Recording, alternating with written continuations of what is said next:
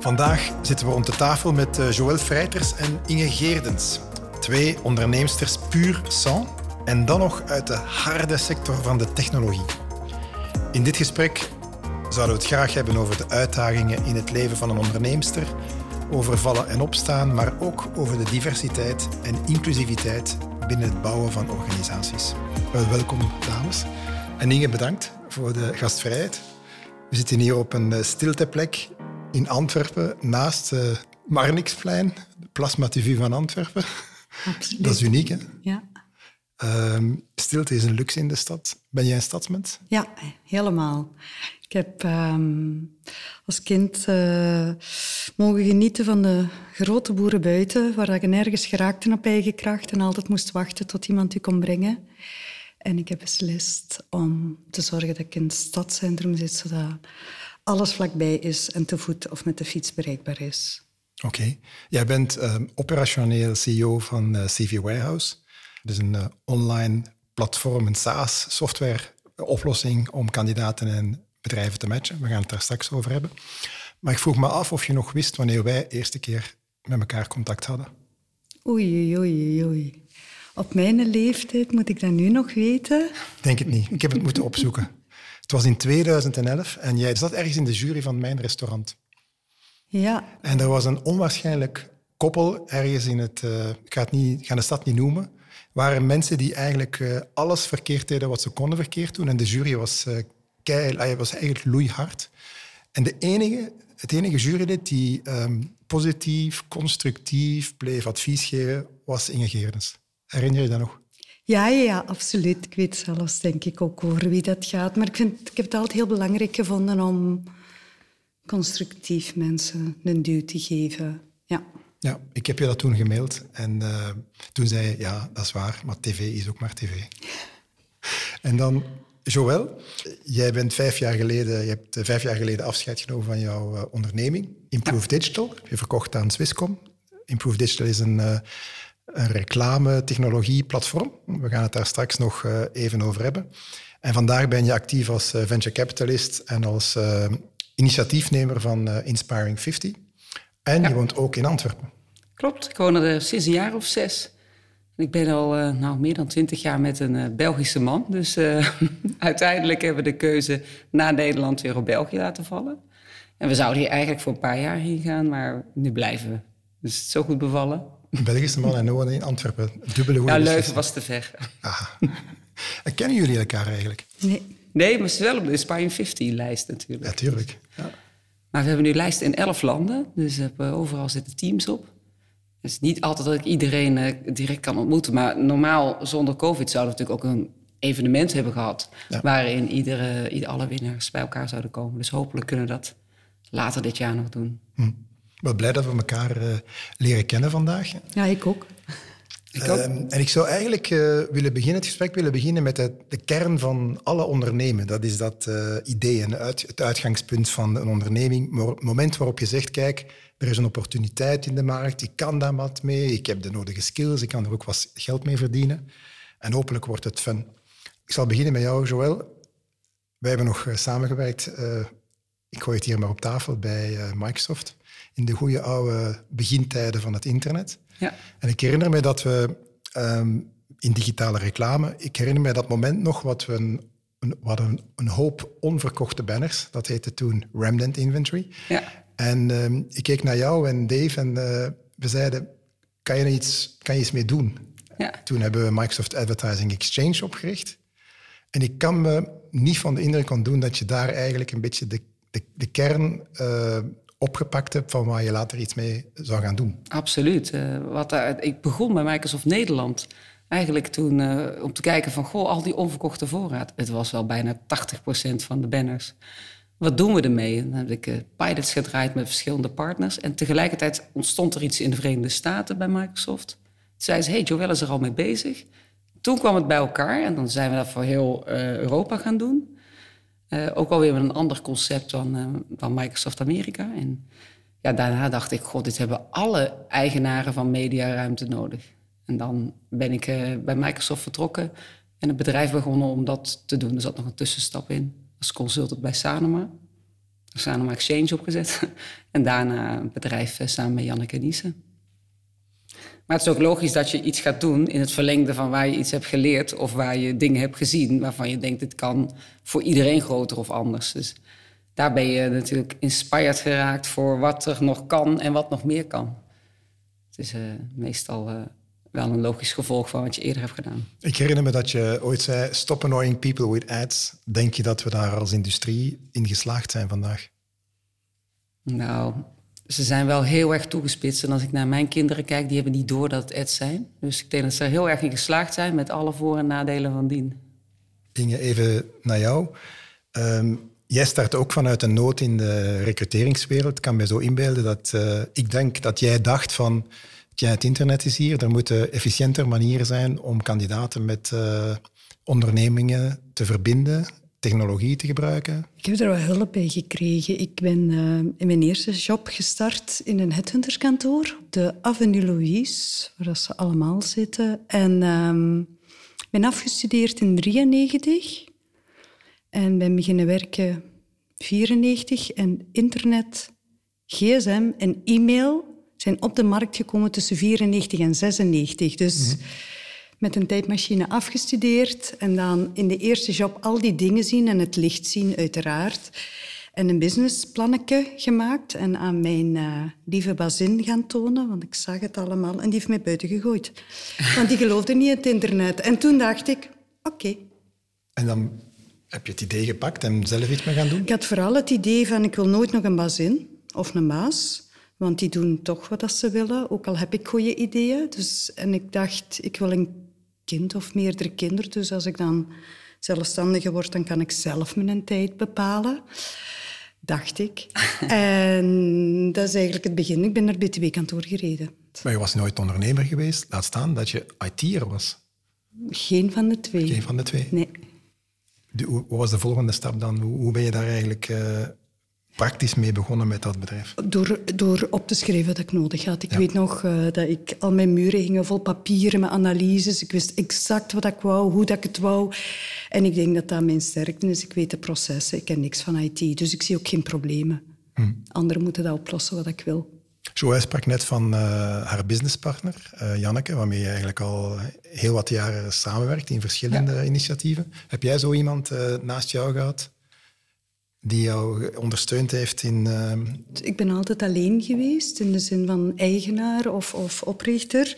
Maar ik heb mij altijd wel omringd met andere ondernemers, altijd.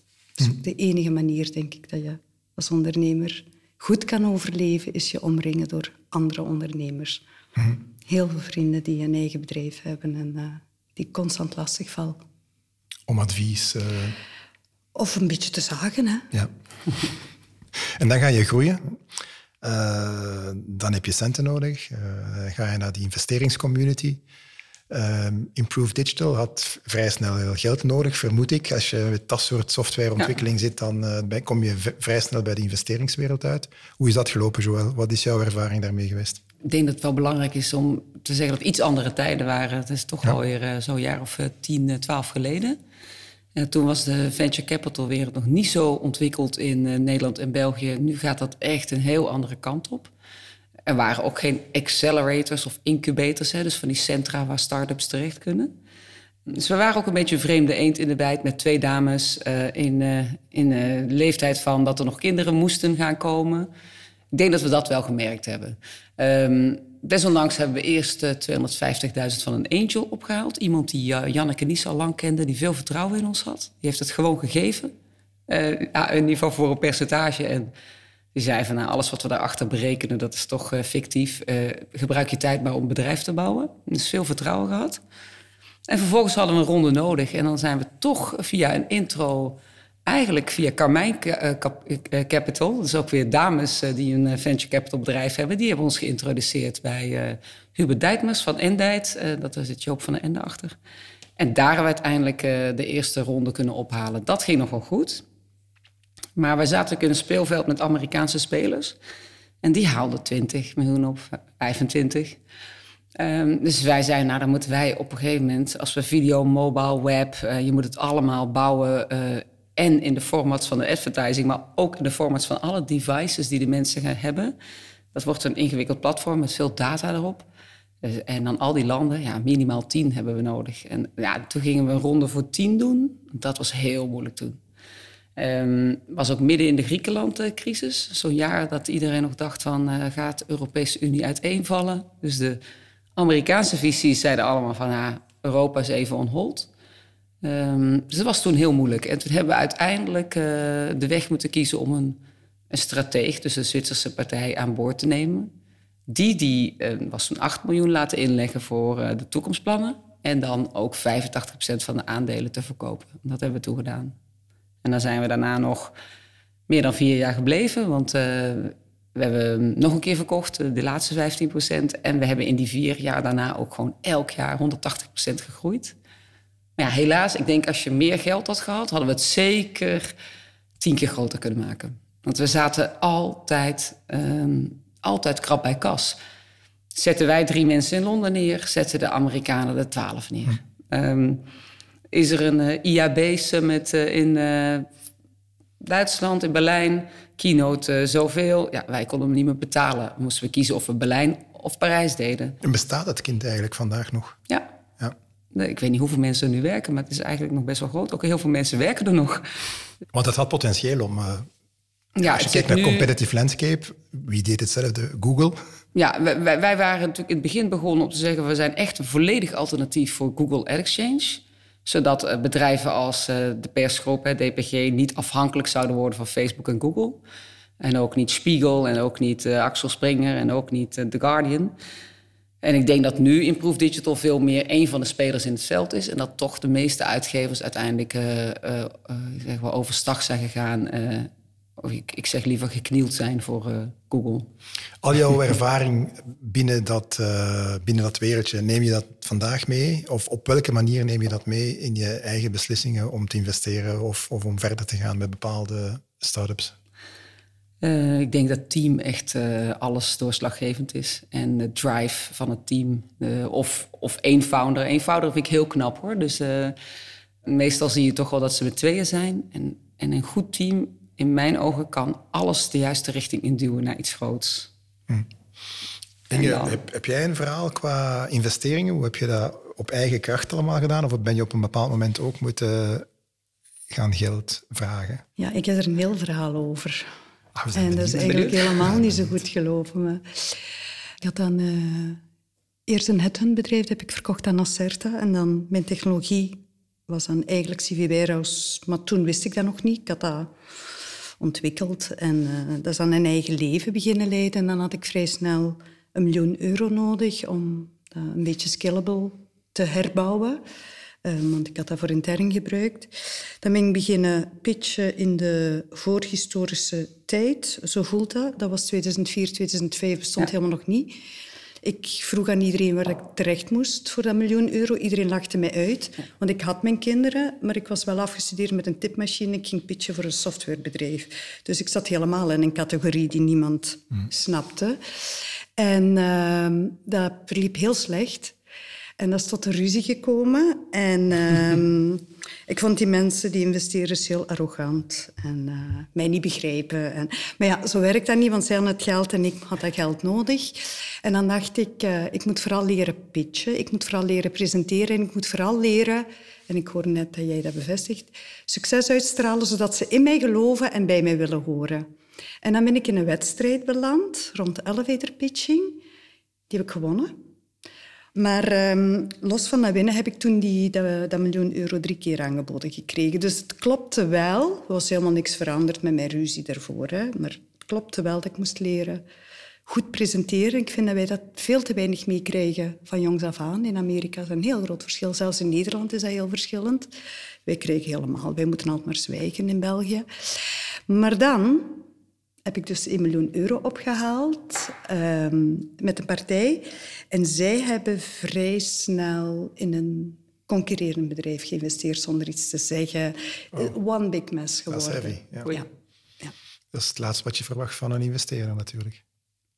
Je kunt er heel veel over zeggen, dat is al even geleden. Ja. Uh, het pijnlijke is dat dat is gebeurd in 2008 op het moment dat alle banken vielen. Ik heb uiteindelijk met de verkoop van het andere bedrijf wel volledig mijn aandelen kunnen terugkopen. Ik heb ze ook een heel nette 20 of 30 procent gegeven op een jaar tijd. Dus iedereen was aan die kant tevreden. Met de bedoeling om opnieuw geld op te halen om het inderdaad uh, groot te maken. Maar dat nieuw geld kon je niet vinden in januari 2009. En we zijn vandaag natuurlijk een heel traject later. Je bent nog altijd uh, niet aangewezen op, uh, op vreemde investeerders. Ja, ik ben nog altijd 100% eigenaar. Dat is fantastisch. Ja. ja. Ja, het is anders. Het is niet fantastisch, het is niet beter, het is niet slechter, het is anders. Het was zeker niet de bedoeling. Ik weet ook niet, had ik het allemaal geweten, of dat ik dat gedurfd had op voorhand. Want het is wel de beginjaren tot je door de muur zit van de break-even met een SaaS, is loeizwaar. Eens dat je door die muur zit, heb je geen investering meer nodig. Hm. Als je nu kijkt naar uh, jullie traject van de laatste 15 jaar, ik ga het misschien even op mezelf betrekken. Mensen vragen soms van uh, hoe heb jij dat, jouw carrière gepland en dergelijke? Uh, hoe heb je dat aangepakt? En ik heb soms een hoog soort van Forrest Gump gehalte. Ik heb de dingen gedaan omdat ik ze goed vond en omdat ik dat goed aanvoelde. En dan ben ik een bepaalde weg ingeslagen en dan ben ik blijven lopen. En dan kom je iets anders tegen en dan neem je maar je hebt uh, carrières of mensen die hun carrière heel strak uh, plannen en kunnen aanduiden van ik heb dat zo gedaan en ik ben daar gaan studeren en dan bij die werkgever. Ik heb een beetje het gevoel dat jullie ook van met een soort van uh, impulsiviteit die zeer gezond is, van het ene in het andere gevaren zijn. En toch moeten er waarschijnlijk kantelmomenten geweest zijn, beslissingsmomenten. Kan je zoiets voor de geest halen en, en, en waar je zelf beslissing moeten nemen hebt om links of rechts te gaan? Ik denk dat er, dat er heel veel beslissingsmomenten zijn. Maar het voordeel als ondernemer vind ik...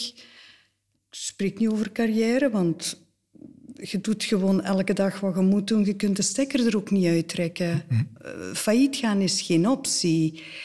Ehm, je moet je ook niet afvragen, is dit het nu? Want het antwoord is heel simpel, ja. ja. en van beslissingsmomenten naar kantelmomenten. Kantelmomenten zijn ja, superbelangrijk. Hè? Het kan ofwel volledig fout gaan, ofwel kan je een bepaalde beslissing nemen wat je, wat je echt vooruit stuurt in de goede richting. Heb je daar een voorbeeld van, uh, Joël?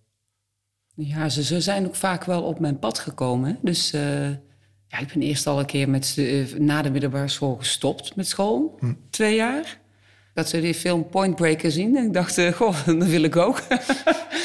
dus uh, de ambitie lag van, nou, uh, als je normaal maar drie weken per jaar in een mooie plek kan zijn, dat moet toch langer kunnen? Dus die ambitie voltooid. en toen dacht ik, goh, ja, ik wil ook de rest van mijn leven wel intelligent werk doen. Dus ik terug naar de universiteit. Nou, dan kom je daarvan af, was een andere tijd, was best moeilijk om banen te vinden. Nou, dan inventief via een uh, uitzendbureau uh, in de zomer zeven weken op een hofkantoor gaan werken. Nou, dan elke dag gewoon om zeven uur beginnen en pas om zeven uur weggaan. Nou, na zes weken komen ze gewoon een baan aanbieden. Want ze denken, dit hebben we nog nooit gezien. Was wel mijn doel. was toen echt wel berekend. Ik dacht, ik ga je gewoon alles laten zien. En dan krijg ik die job wel. En die kreeg ik ook. En dan komen de opportunities na elkaar. En um, ja, dan denk je, dit, dit is interessant, ga ik doen. Maar plannen, ik zie veel jonge mensen proberen te plannen van wat is nou mijn ideale baan. Mhm. En dan denk ik, laat het los. Want je gaat ten eerste nooit meteen je ideale baan doen. Begin gewoon. Een baan is leuk om heel veel verschillende redenen. En het allerbelangrijkste is dat je er iets kan leren en dat je ook wel redelijk leuke collega's hebt. Dat maakt een baan. Ja, en ook dat je doorzet. Dat je oh, even doorzet en niet te snel opgeeft. Je moet doorzetten om van iets te kunnen genieten met alles. En dat mis ik op dit moment een beetje. Ja, het is echt gewoon. Ja. En, en, ik zie soms wel nu ondernemers die denken dat doe je gewoon 9 to 5, anders moeten we meer funding hebben. Maar dat is niet zo. Het, zit, het is net als. Uh, ik heb het in een andere interview ook een keer gezegd. Uh, als je in sport uh, zit en je bent ingelood voor de Olympische Spelen, dan gaat er maar één winnen. Hm. En dat is degene die het hardst traint en er alles voor over heeft. En zo is het vaak ook in uh, ondernemen. Ik heb vooral onthouden, doorgaan, doorgaan en falen is geen optie. Maar stel... Falen hoort erbij. Ah, ik wou maar blijven vragen. liggen is geen optie. Of blijven liggen is, geen optie. Is, permanent. Ja. Ja, absoluut. Maar ik, ik vind dat zo'n raar woord om te gebruiken. Ik hoor dikwijls uh, never waste a good crisis. Hè? En ik denk, ja, dat klinkt allemaal wel stoer. Maar falen, dat is toch gewoon altijd heel hard balen. Hè? Dat is toch echt ook... Uh, dat is echt geen, geen, leuk, geen leuk gevoel. En jullie moeten waarschijnlijk toch ook jullie hoofd al een paar keer gestoten hebben en terug opgestaan. En ik denk dat we als ondernemer toch uh, die rollercoaster van adrenaline veel meer meemaken dan de mensen in dienstverband bijvoorbeeld. Heb je, heb je een voorbeeld van zo'n oeps, nu vergaat de wereld moment? Oh, een paar. Een paar. en wat heb je toen gedaan? Het voordeel vind ik van een absoluut faalmoment, of moment dat je echt helemaal uh, plat op je buik op de grond ligt, dan uh, word ik enorm kalm. Ik, ik, heb dat ook met kinderen. Weet je, je ziet je kinderen doodgraag, je probeert die heel de tijd te beschermen, maar op het moment dat er echt iets ergs gebeurt, staat je daar heel kalm als moeder. Beetje hetzelfde. en dan pak je die op, je zet die in de auto, je gaat naar het ziekenhuis. Allee, je doet wat je moet doen. Van binnenkant wel heel spannend zijn, maar je, je, staat er en je doet wat je moet doen. En dan, heb ik en dan word ik een leeuwin. Hè. Dan, ja, eigenlijk... Ik heb mij al vaak dezelfde vraag gesteld. Waarom ben ik niet meer eager als alles goed gaat? Want dan zou het nog veel beter gaan. Maar op een of andere manier komt er dan een luiheid. Een gezapigheid. En als het slecht gaat of het dreigt slecht te gaan, dan krijg ik een vechtlust die niet stopt. Je hebt de tegenslag nodig om in actie, in volle actie te gaan. Dat is natuurlijk ook een temperament dat je niet kunt volhouden. Hè? Dus je moet ook die, die rustigere periodes hebben, want, want uh, je slaapt niet. Hè? Je, je, staat op, je schrijft hele, hele papieren vol, je kunt dat zandraags niet meer lezen, maar je weet wel dat je iets bedacht hebt dat de wereld ging veranderen. Dus maar dat, is, ja, dat zit dan in heel mijn lijf. Dat is, dat is ongelooflijk. Dat is heel rusteloos. Tot ik, de puzzel ik, ik, herken toch wel iets van dat gevoel. Ehm, als ik kijk naar uh, de, de slechte of de, of de momenten in mijn, in mijn carrière waar het uh, niet zo goed ging, dat zijn altijd... Was, meestal zijn het momenten die te maken hebben met mensen, mensen die je te veel vertrouwd hebt en waar de afrekening van komt, of in de corporate wereld. Ik ga het bedrijf niet meer noemen. Nee, Joël, we hebben het al gedaan. Waar je te politiek incorrect bent of waar je te koppig bent om een bepaalde richting te gaan als iedereen zegt je moet die richting gaan, ja, dat betaal je dan dik en dubbel. Het gevoel dat dat mij altijd heeft opgewekt is van uh, I'll be back. Ik, word dan, ik krijg daar heel veel energie van om, om, om het dan nog heftiger te gaan doen, zeg maar. Dus falen is toch ook een, een, een stimulans, positieve stimulans. Zeker, maar je, ja, er zijn twee dingen. Ik denk, als je zo onder druk staat, dat heb je ook in een grote corporate of, of met je eigen onderneming, krijg je een soort van uh, extra kracht, uh, waarbij je. Uh, ik, ik, denk dat je ook minder voelt, ook minder van de alle mooie dingen en ook minder van alle slechte dingen. Je kunt gewoon veel meer hebben. Een soort van survivor-modus die je jaren kan volhouden. Een kracht die overkomt. Ja, dus die herken ik wel. Um, en als er echt iets groots gebeurt, wat ik echt, en ik zou het niet falen willen noemen, maar het grote tegenslagen, die je echt raken, is het inderdaad bijna altijd rondom mensen die je vertrouwd hebt, partners die je vertrouwd hebt, grote bedrijven die je, nou ik zou bijna willen zeggen, misbruikt hebben als kleine uh, speler. Dat Kun je daar een concreet voorbeeld van geven ja, bij Improve Digital? Ja, noem gewoon even eentje uit Duitsland, Deutsche Telekom bijvoorbeeld. Uh, nou, daar hebben wij uh, met een klein team, en toen hadden we echt nog geen grote funding, ik denk twee maanden binnengezeten, hotelkosten, alles mee opgezet. Iedereen was gelukkig, alles was tevreden. En dan helemaal boven ons langs nodigde het New Yorks bedrijf, uh, een van de nou, subdirectieleden, of in ieder geval die vrij hoog zat, uit. voor een prachtige diner in uh, New York met een meeting met uh, executives van Facebook en Google. Ja, daar kunnen wij niet tegenop. Hm. Dus over ons heen wordt het zeggen ze, we gaan niet door naar de pilot. Ja, dat zijn momenten. dit, dit vergeet je nooit wat meer. Dan, wat deed het dan met jou en wat was jouw reactie dan? Dan ben je eigenlijk toch ook gewoon ontzettend kwaad. Want je, zij hebben op dat moment, het was midden in de fundingronde. Dus je zit dan, moet je ook nog naar je, in je onderhandeling zeggen: sorry, de grootste prospect is afgevallen. Maar ook dat grote bedrijven zich vaak, en dit, die daar helemaal niet van bewust. Want een paar jaar later ging die zelf ondernemen. Zei die, hey, kunnen we eens babbelen over hoe, uh, hoe dat moet? Ze is totaal niet bewust geweest van wat hij ons dan ja, heeft aangedaan. Dat wij niet zomaar een blik met vijf mensen op zijn kantoor kunnen neerzetten. Dat dat dus ja, dat, dat voor ons gewoon het halve bedrijf stil lag. En dat hebben alle ondernemers maken dit mee. En grote bedrijven zijn zich daar nog niet bewust van. van dat uh, ze op een bepaalde respectvolle manier met kleine, kleinere ondernemers zouden moeten omgaan. Dus, uh, ja, ik vind zelfs dat er iets wat meer regeltjes voor mogen komen. Ja. In de zin van, waarom zeggen we niet tegen de overheid... je moet 20% van, van alles wat je afneemt doen van start-ups en scale-ups of voor de grote bedrijven in België. Je moet voor zoveel procent met Belgische bedrijven. Help dat ecosysteem. Ik vind vooral in België, we hebben geen fierheid op onze eigen ondernemers. In Frankrijk veel meer. In, in Duitsland ook. Kopen Belgisch. Ja, nobody gets fired for uh, choosing oh, Ik wil niet koop, koop Belgisch, maar... Um... Misschien moeten we nog meer uh, het idee van wat is een ondernemer, wat doet hij, om dat nog wat preciezer te maken voor, uh, voor jongeren. Um, ik weet, toen, toen ik eh, net afgestudeerd was, ondernemen, dat, dat, dat, stond zelfs niet in het woordenboek. Uh, dat waren, in mijn dorp waren dat de zelfstandigen, uh, de beenhouwers en de slagers. En dat was voor mij nooit een optie, ondernemen. Ik ben begonnen bij een job bij IBM en dat leek me allemaal de gewone gang. Nu hebben jongeren eigenlijk al die mogelijkheden. En Inge, jij bent, um, of jij doet veel als mentor voor jonge bedrijven. Um, is, dat, is dat de reden? Of wat haal je er precies uit? Of wat wil je eruit halen? Er iets uithalen, daar ben ik eigenlijk niet mee bezig. Maar mijn kinderen zijn zelf alle drie twintigers. En ik weet hoe belangrijk het is om geïnspireerd te worden.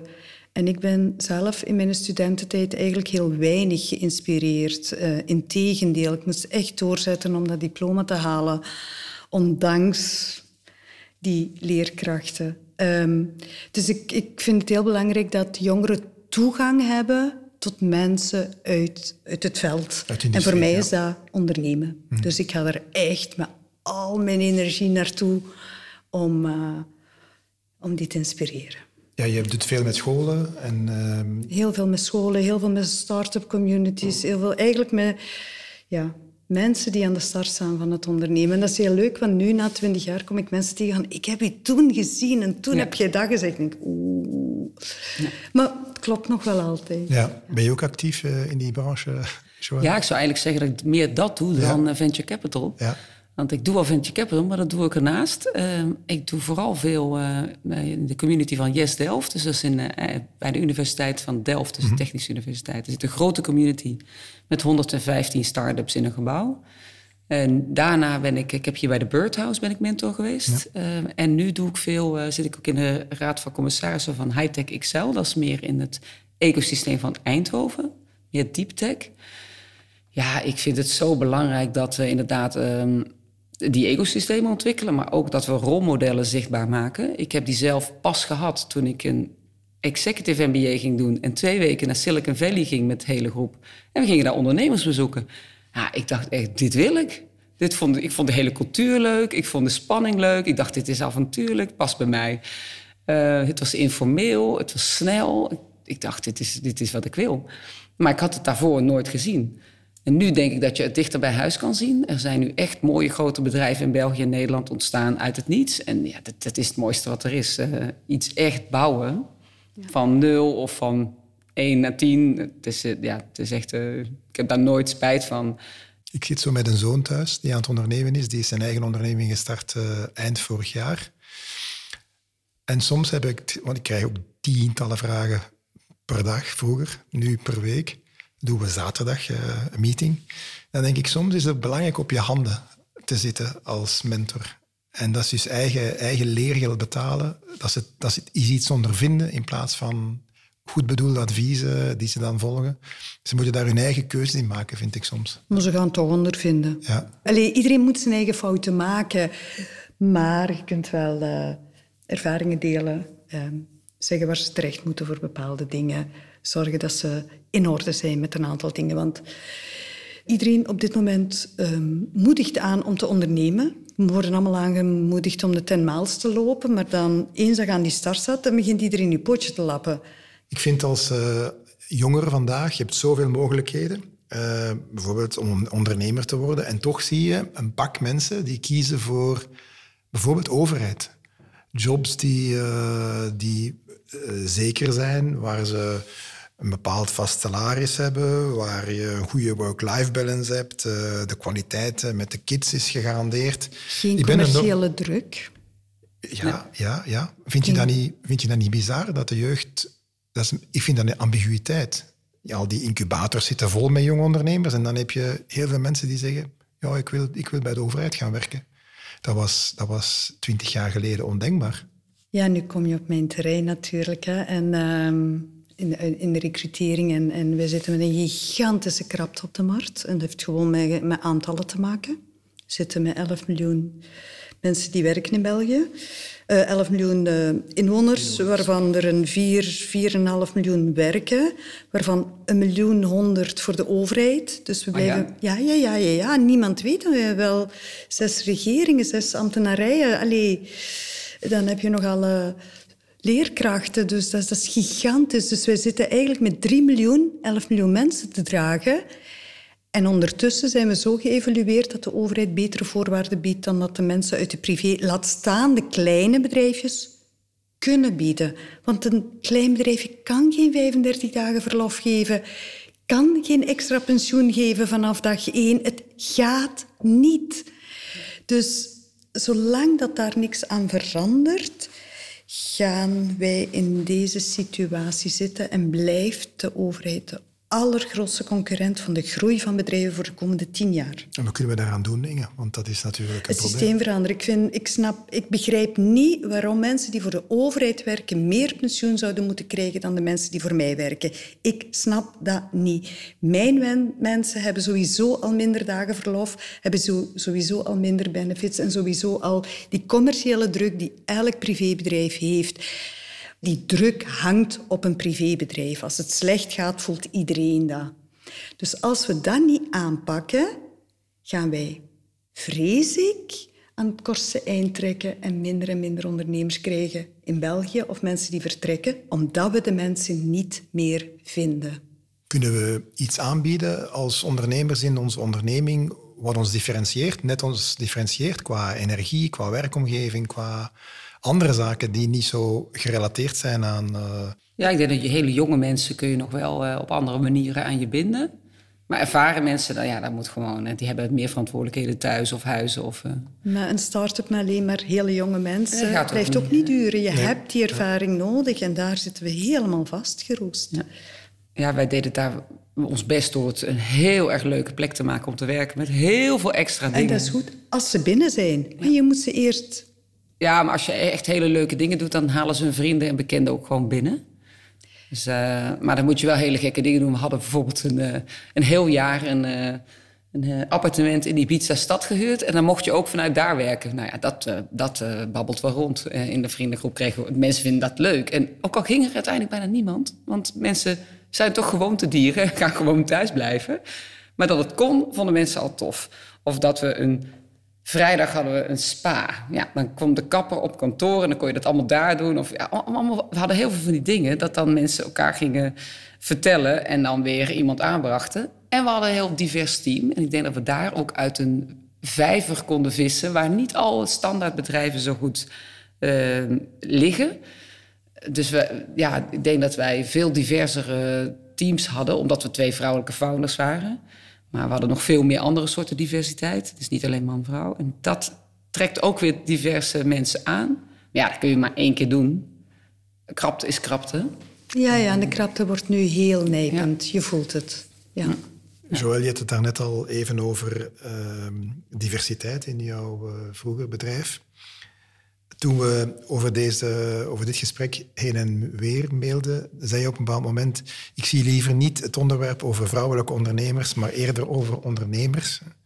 Uh, als het weer twee vrouwen zijn die het hebben over vrouwen zijn, is het wellicht minder interessant. Ja. Laat ik het daar nu 100% mee eens zijn. Hè.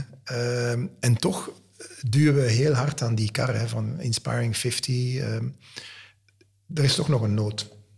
Er is zeker nog nood. Er is ook al heel veel verbeterd. Dus dat is zeker. In de laatste tien jaar heb ik veel zien verbeteren. Er is nu focus op vrouwen. Meer vrouwen. Alle visiefondsen zoeken nu een vrouw. Alle, eh, als je vrouwelijk ondernemer bent, dan willen ze bijna investeren. omdat ze in hun portfolio nog geen bedrijfje hebben dat door vrouwen geleid is. Dus het is wel echt een goed momentum nu. In ieder geval in de Nederlandse markt. Um, maar er moet nog heel veel gebeuren op allerlei vlakken je ziet gewoon weinig vrouwelijke ondernemers, te weinig. Kan je misschien in twee woorden uitleggen wat Inspiring 50 precies is en wat het doet? Ja, simpel gezegd eh, brengen we elk jaar een soort Oscars voor de vrouwen in technologie uit. En dat doen we in elf landen. En het doel daarvan is, je brengt zo'n lijst uit met de 50 most inspiring women. de 50 meest inspirerende vrouwen in tech. Eh, of in digital. En doordat die lijst er is, wordt die ook gebruikt door allerlei mediabedrijven, evenementen, speaker academies en ook publiciteit daar rondom. We hebben elke week een interview hier. En dan zie je gewoon meer beelden van vrouwen die uh, technologiebedrijven hebben. En als je dat niet hebt, ja, als ik mijn ogen dicht een tech-ondernemer, ja, nu zie ik inmiddels wel vrouwen, maar heel lang zag ik ook alleen maar een man. Uh, CEO tech company, ja, dan zie je ook een man. Die beelden zijn daar ingebracht door de jaren heen media. En ik herinner me nog van een dure universiteit in Nederland, Nijrode. Daar stond er Leadership, Leaders of the Future. Dat was dan echt een jaar of acht of tien geleden. En dat stond in de krant een halve pagina. En er stond wel geteld zo'n hele groep afgestudeerden. En er stonden twee vrouwen bij. Ik dacht, ik, dit kan toch niet? Dat zullen ze nu niet meer doen. Denk dat het bewustzijn er nu is, maar we hebben nog niet de stappen genomen met z'n allen om dat te veranderen. Dus we, we, hebben die rolmodellen nog nodig, zeg je? Ik Absoluut. was uh, hoogst verbaasd als je door die... Ik zat in de jury uh, en toen ik door al die dossiers uh, ging, dacht ik van wauw, zoveel vrouwen in posities, professoren, pioniers, innovatiemensen, managers ik was eigenlijk echt letterlijk verbaasd. Ik had het, ik had, ik had niet anders verwacht, maar toch, als je die dossiers ziet van die cv's, heavy hitters allemaal. Ja. Ja, en dat is goed, hè? Het is soms wat lang zoeken om er genoeg te vinden, maar uh, dat verandert wel. er zijn veel facetten die het, je moet studiekeuzes gaan beïnvloeden. Het begint wel op de, op de leeftijd 10, 11, 12. Hè? Het, het op de lagere school cool maken van techkeuzes. Ja, dat is een hele moeilijke leeftijd. Dan gaan ze naar de middelbaar. Ja, daar wil je ze eigenlijk ook inspireren dat creativiteit en technologie samengaan. Want veel willen wel creatief, maar tech spreekt ze niet zo aan. Dan ga je naar een open dag van de Technische Universiteit. Zitten daar alleen maar jongens. Denk je ook niet meteen van, ah, daar ga ik even leuk uh, bij zitten. En dan ga je, ja, dus daar ben je al een heleboel meisjes kwijt. En dan kijk je naar de afstudeerratio's en dan zit gewoon te veel jongens in die technologiestudies. Uh, ja, en daar komen vaak die start-ups dan ook weer uit. En dan zie ik dat het tot een jaar of dertig de diversiteit in de bedrijven prima is. Ik bedoel, bij Microsoft destijds, dat was gewoon divers. was half-half. Was, iedereen was ook eigenlijk gelijke carrières aan het doen. En dan toch, als die kinderen komen... en zeker in Nederland, dat is echt drama, de kinderopvang daar... Uh, dan, uh, dan zie je toch uh, afvallen. Het is ook heel moeilijk. Dus je zult ook binnen in de huishoudens de dingen anders moeten, de dingen anders moeten verdelen. Um, en dan België is dat beter dan Nederland. Nou ja, ik weet niet of jullie ooit over de kosten van kinderopvang in Nederland uh, hebben gelezen. Maar ja. ja dus je moet echt al een topfunctie hebben. Wil je daar nog iets aan overhouden? Want uh, dat is heel slecht. Maar toch, uh, rolmodellen zijn nodig. Je, bent, je staat zelf op de lijst, Inge. Hoe heb jij diversiteit bij CV Warehouse heb je dat gecultiveerd? Heb je daar iets aan gedaan? Is dat ook allemaal organisch gelopen? In het opbouwen van jouw teams? Ik ben blij dat ik oprichter ben. Dus ik ben al een stuk van de diversiteit. Dus dan moet ik me er al nimmer mee bezighouden. Verder pak ik de beste mensen. En dat zijn nogal diverse plumage. Dus ondertussen zijn wij een zootje ongeregeld. En dan noemen ze dat diversiteit. Inclusief ook? Absoluut. Ja. Ik ben er eigenlijk gewoon nooit... Weten... Um, als klein bedrijfje op de Belgische markt. Ik hoor jullie over Microsoft praten. Ik ben natuurlijk ook heel nauw betrokken geweest bij Microsoft. Ik heb nog heel veel gerecruiteerd, waarschijnlijk toen jullie daar werkten. Um, Zo'n bedrijven kunnen zich veroorloven om te zeggen: dit is 50-50. Ik moet gewoon blij zijn als er iemand voor mij wil werken. Hm. Ik heb geen keuze om te divers te proberen te zijn. Gelukkig komt een divers plumage op mij af. Maar ik, ik heb de keuze niet. Punt. Ja. Blijven doordoen met Inspiring 50, want het is nu internationaal uitgerold. Ja. Ja, en ik denk ook, uh, we hebben het nu trouwens ondergebracht bij eh, Accelerate Her in Londen. Er zit er echt een organisatie op, dus dat is goed. Het begint ook aan de top. Dus als jij een uh, raad van commissarissen hebt, alleen maar mannen en alleen maar mensen die al generaties uit het Belgische landschap komen. En je hebt daarna een directie, ook allemaal mannen. Ja, dan wordt het heel moeilijk. En zo zie ik ook bij groeibedrijven drie jongens van de Technische Universiteit zeggen... ja, we willen wel divers, maar we vinden niemand. Nee, maar jullie doen alleen maar lasergamen als je een dagje uitgaat. Jullie hebben uh, een voetbaltafel. Jullie uh, eten alleen maar pizza. Terwijl, ja, als je dan ook vrouwen wil hebben bij start-ups... Ja, die willen misschien niet altijd pizza eten. Die willen misschien een keer iets anders. Dus het begint gewoon bij je core team. En als dat dan niet divers is, dan ga je het ook niet aantrekken. Want iedereen haalt mensen uit zijn netwerk, van zijn eigen club met mannen. Maar ja, uiteindelijk begint het ook in het centrum van het bedrijf. Ja. We zijn uh, aangekomen bij de slotronde, het finale spel. Uh, als je nu iets mocht kiezen waar je het zelf uh, het meest trots op bent uit heel je carrière, wat zou dat dan zijn? Als het gaat over het professionele, dan ben ik eigenlijk wel het meest fier over het, uh, het schaakbedrijfje dat ik per ongeluk heb opgestart. En dat schaken promoot naar lagere schoolkinderen. Um, ja, dat is een verhaal. Toen ik Civiberes naar de markt moest brengen, uh, had ik net de te woord gewonnen met mijn ander bedrijf. En iedereen wou mij zien, maar ik was zo precies een curiosum dat iets gewonnen had als vrouw. En ik kreeg mijn bedrijf niet in de markt. En ik dacht, ik moet dat doen zonder uh, mij als, als gezicht. Uh, ik moet enkel dat bedrijf.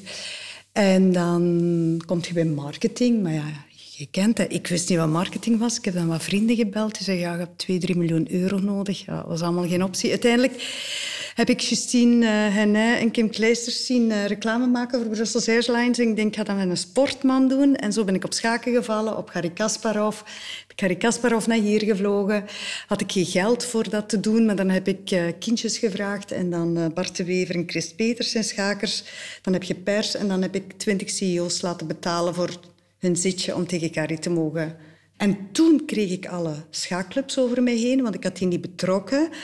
En die waren heel kwaad. Terecht, voor een stukje, denk ik wel, als je God naar België haalt en de echte schakers betrek je niet. Dus toen had ik gezworen, dat is zo een van die kantelmomenten van ik moet dat herhalen, al is het om dat goed te maken. En uiteindelijk is dat bedrijf geworden, Your Next Move. En heb ik dat al... Uh, uh, hebben we al een keer of zes herhaald. En uiteindelijk gaat het niet over het schaaktechnische, maar over attitudes doorgeven aan jongere kinderen, zoals absoluut willen winnen, maar heel gracieus kunnen verliezen. En dat vind ik attitudes die we nodig hebben in onze maatschappij. Mooi. Een van jouw uh, momenten waar je het meest uh, trots op bent, Joël?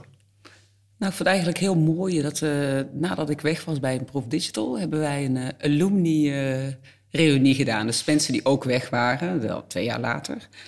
En uh, we hadden het er gewoon in een heel simpel plek in Amsterdam gedaan. En ze zouden ook allemaal, iedereen betaalde ook zelf wat. En er kwamen gewoon mensen ingevlogen uit Denemarken, uit uh, Spanje met eigen tickets om erbij te zijn.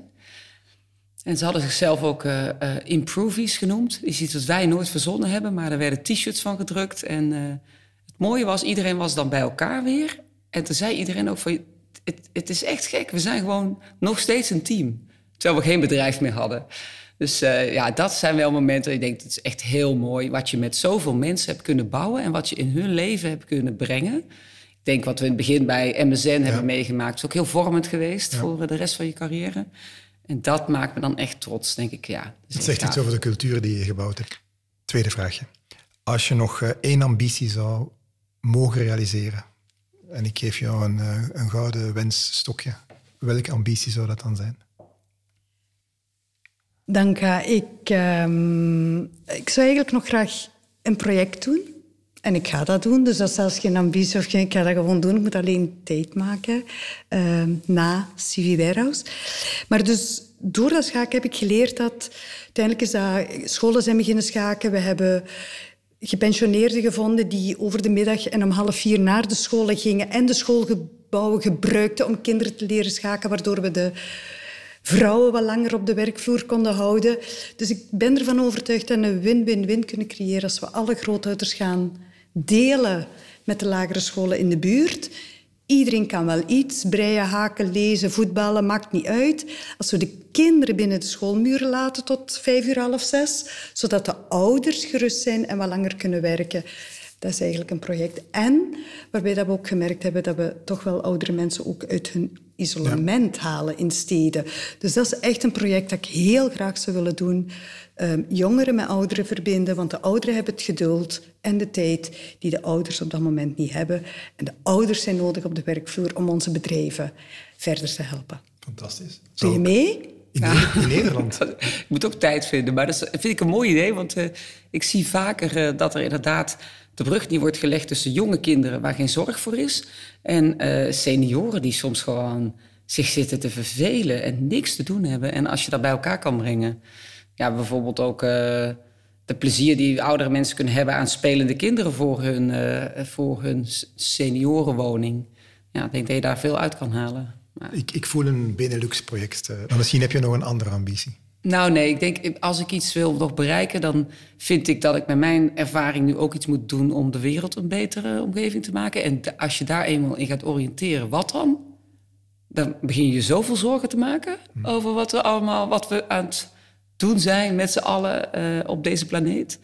Dat ik nog geen keuze heb gemaakt waar ik, waar ik dat ga doen, maar je weet niet waar je moet beginnen. Nou, het is, dus ik, ik denk dat de komende 10, 20 jaar wel in het teken staan van iets te doen wat iets beters achter gaat laten of een ben beweging te krijgen. actief mee bezig met dat, uh, met dat te rationaliseren ergens, in, een bepaalde intuïtie te rationaliseren? Ja, ik zit in een paar werkgroepjes rondom ja. ernstige vervuilers uh, in Nederland okay. en België.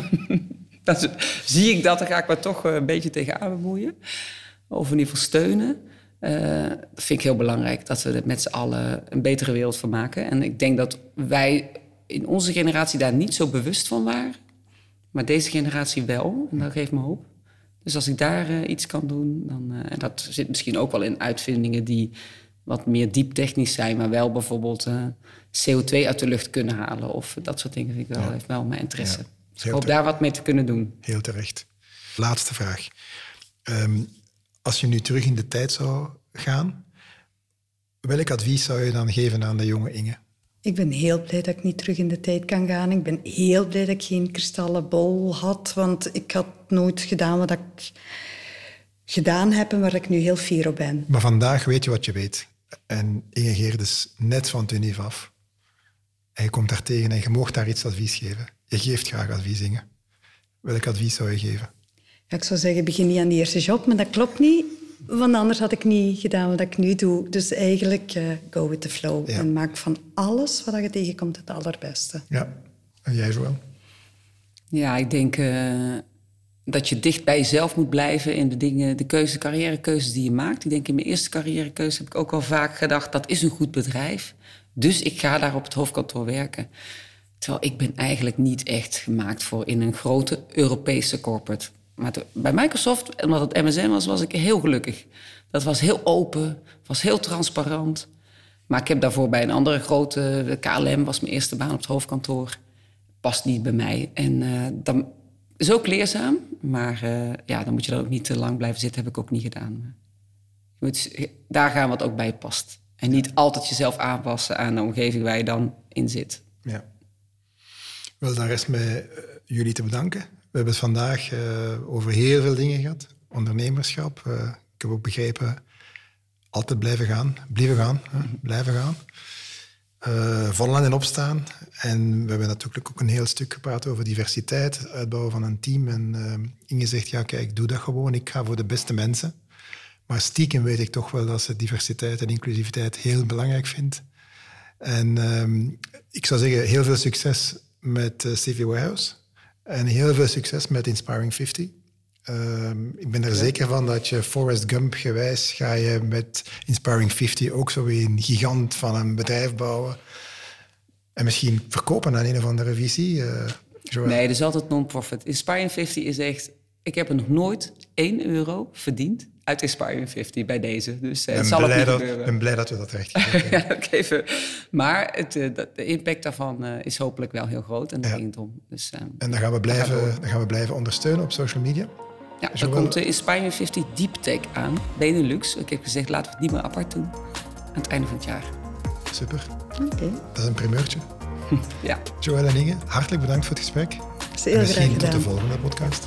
Dankjewel. Dank je. Leuk om hier te zijn. Heb jij ook een kloppend hart voor ondernemen en ben je steeds op zoek naar duurzame en innovatieve manieren om jouw organisatie te laten groeien?